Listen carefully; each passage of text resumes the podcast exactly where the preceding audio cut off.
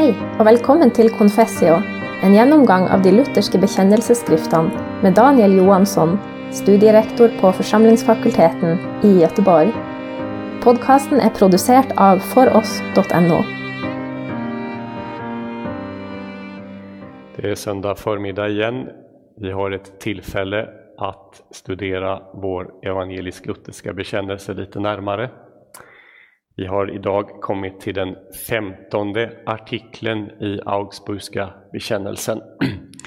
Och det är den mellersta av tre artiklar som behandlar livet i kyrkan, det kyrkliga livet.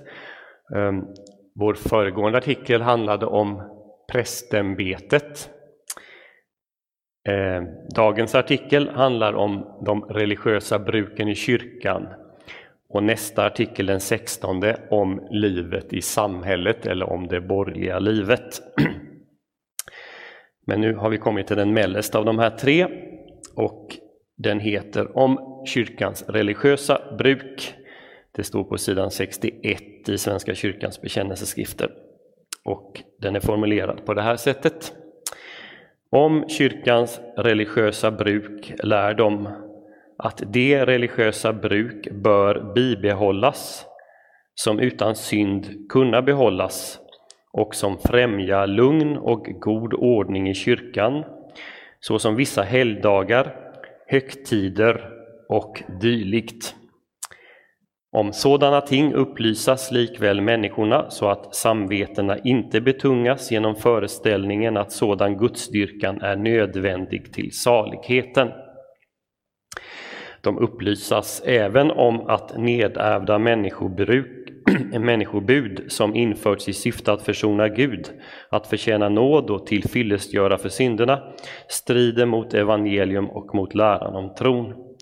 Klosterlöften och särskilda bud i fråga om olika slag av föda, i fråga om dagar etc. som införts för vinnande av nåd och som till fyllestgörelse för synder är för den skull onyttiga och stridande mot evangelium.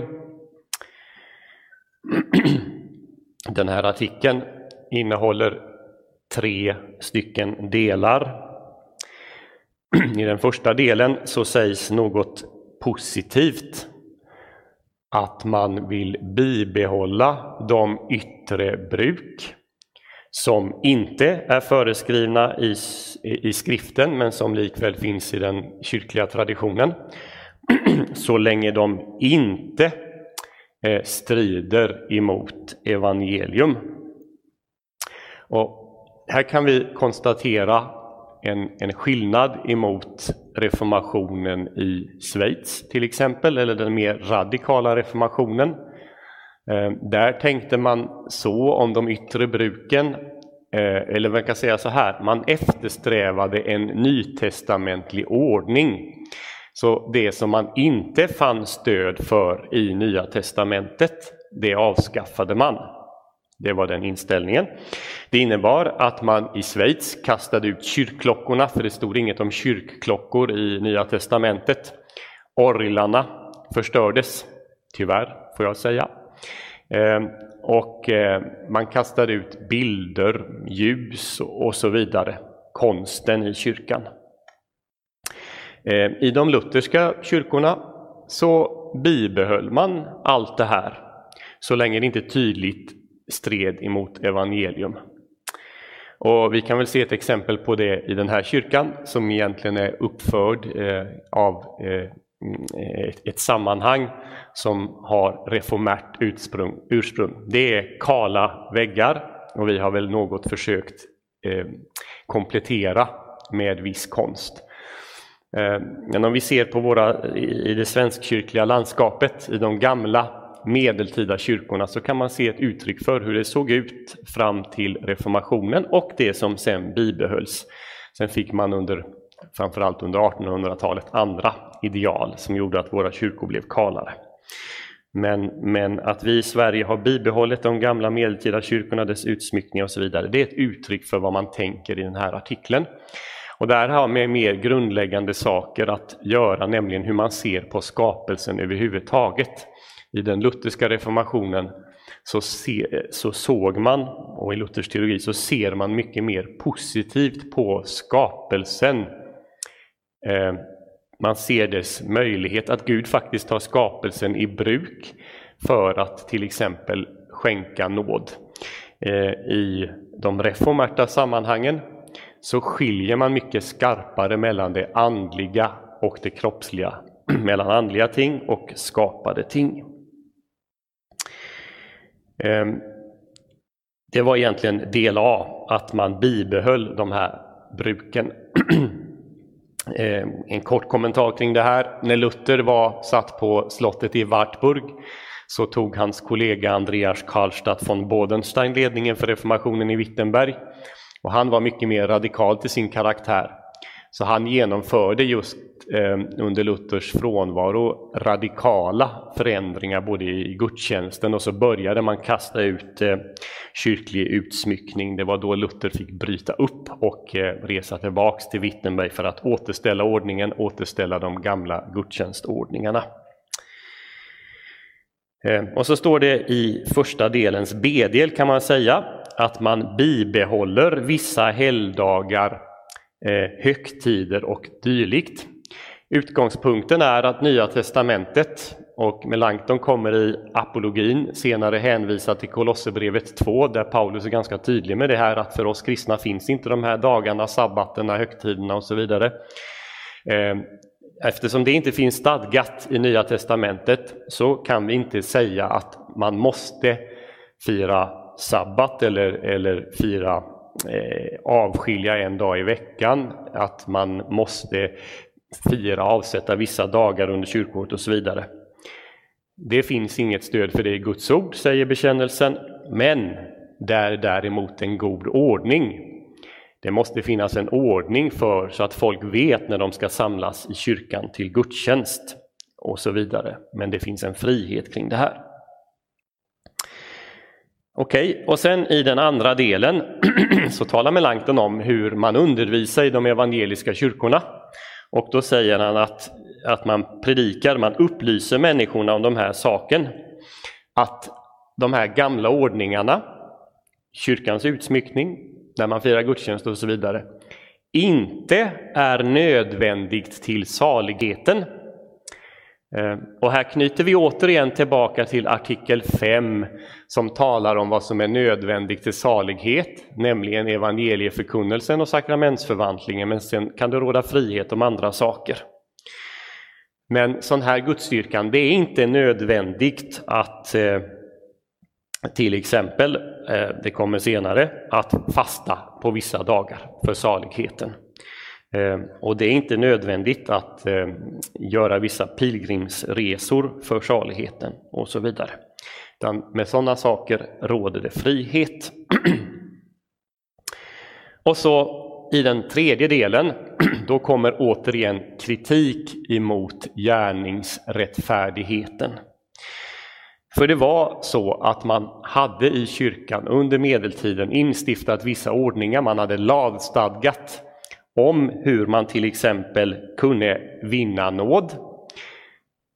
Det var till exempel så att om man hade fallit i någon djup synd, om man hade dragit på sig straff, Eh, så kunde man genom botgöring eh, göra sig eh, fri från straffet. Men det fanns en genväg, skulle vi kunna kalla det, eller genväg och genväg. Men något som var lika effektivt som dopet för att rena både från syndens skuld och dess straff, det var att gå i kloster.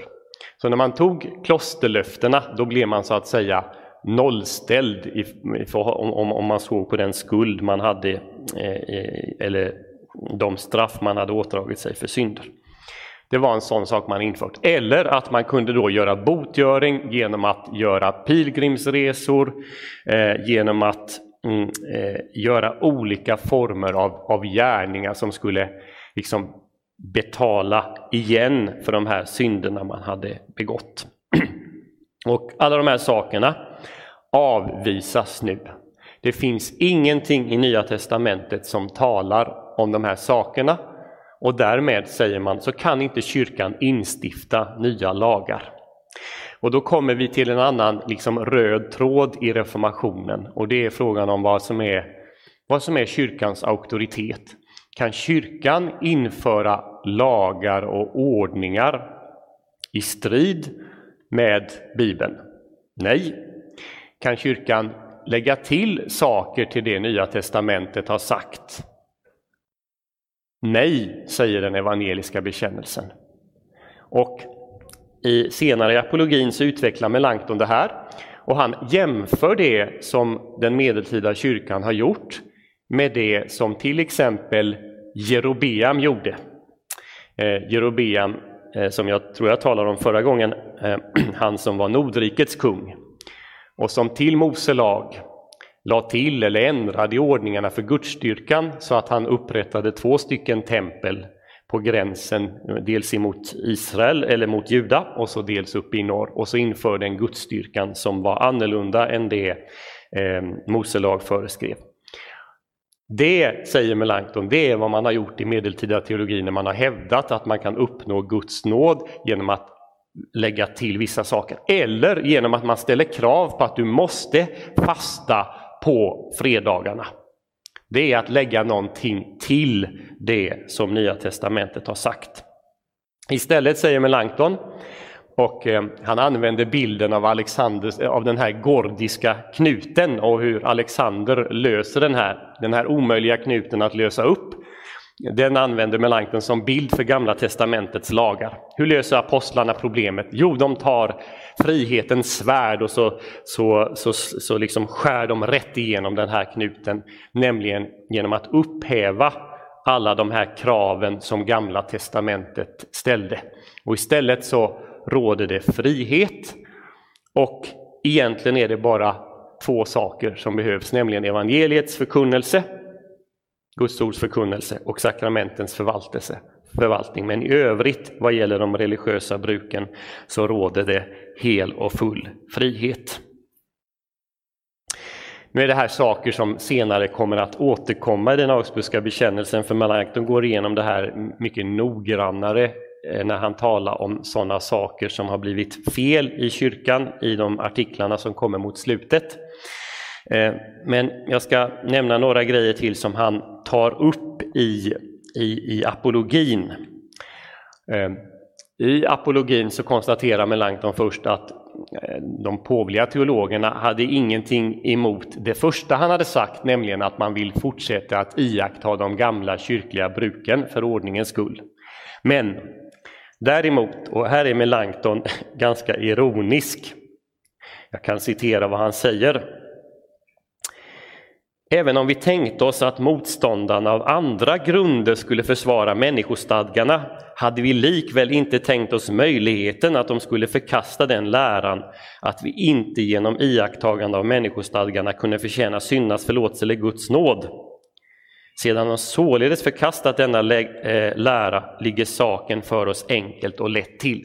Det Melanchthon säger här är att han hade tänkt sig att man skulle försvara de här yttre ordningarna på andra grunder. Men istället så försvarar de dem just av det skälet som, som han har varit kritisk emot dem. Man försvarar dem därför att man förtjänar nåd genom de här.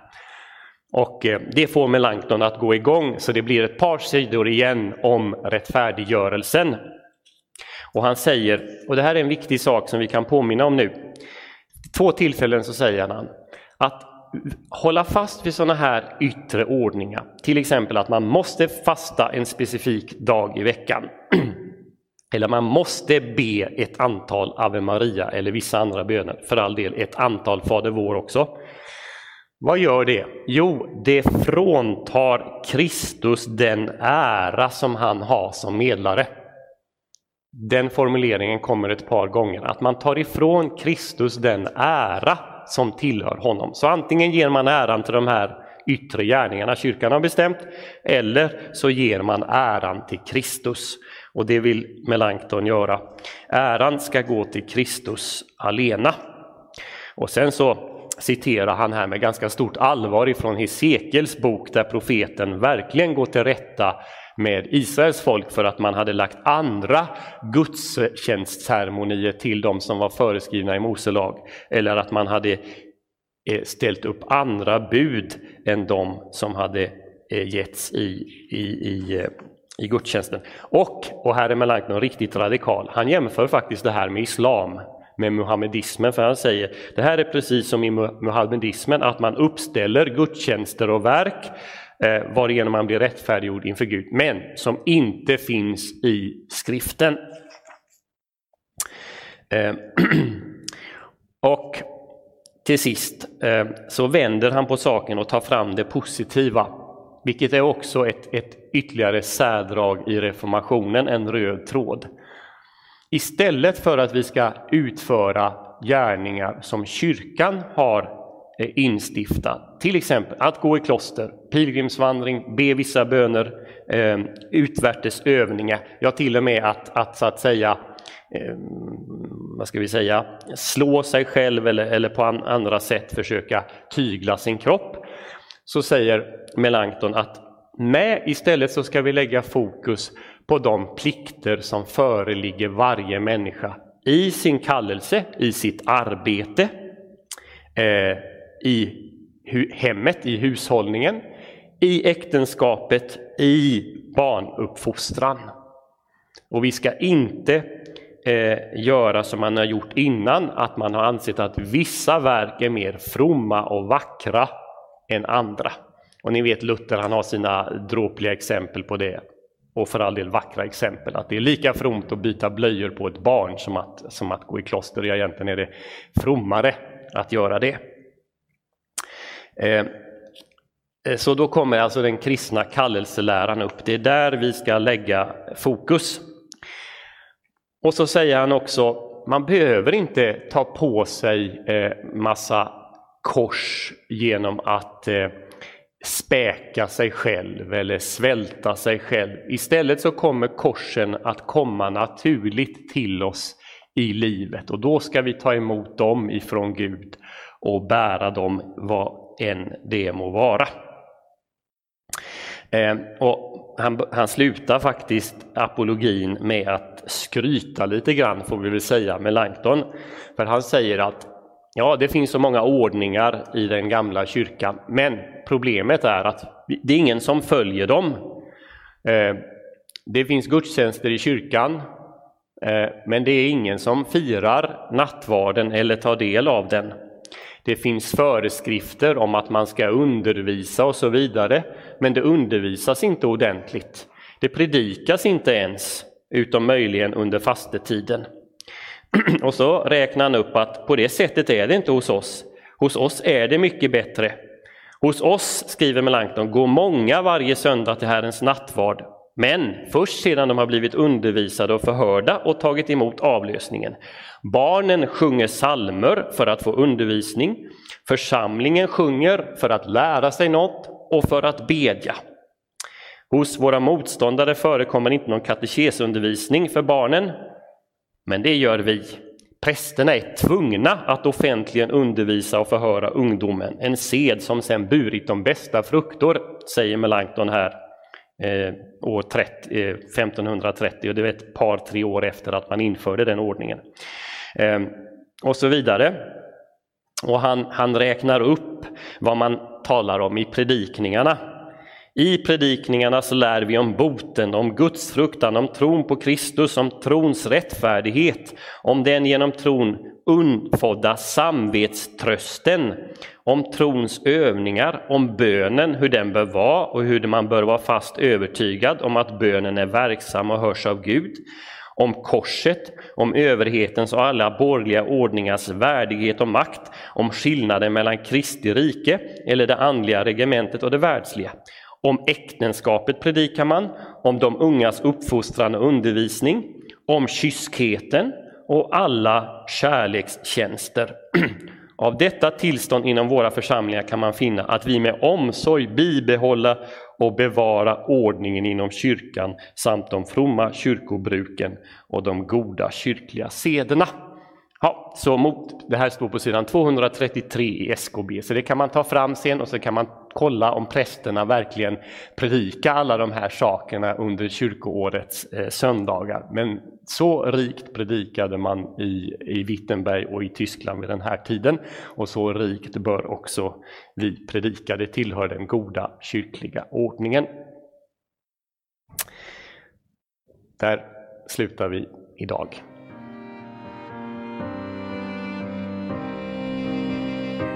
Du har nå hørt på Confessio om de lutherske bekjennelsesskriftene. Kanskje du også vil like podkasten Dogmehistorie med Carl Fredrik Wisløff? Du finner den på foross.no.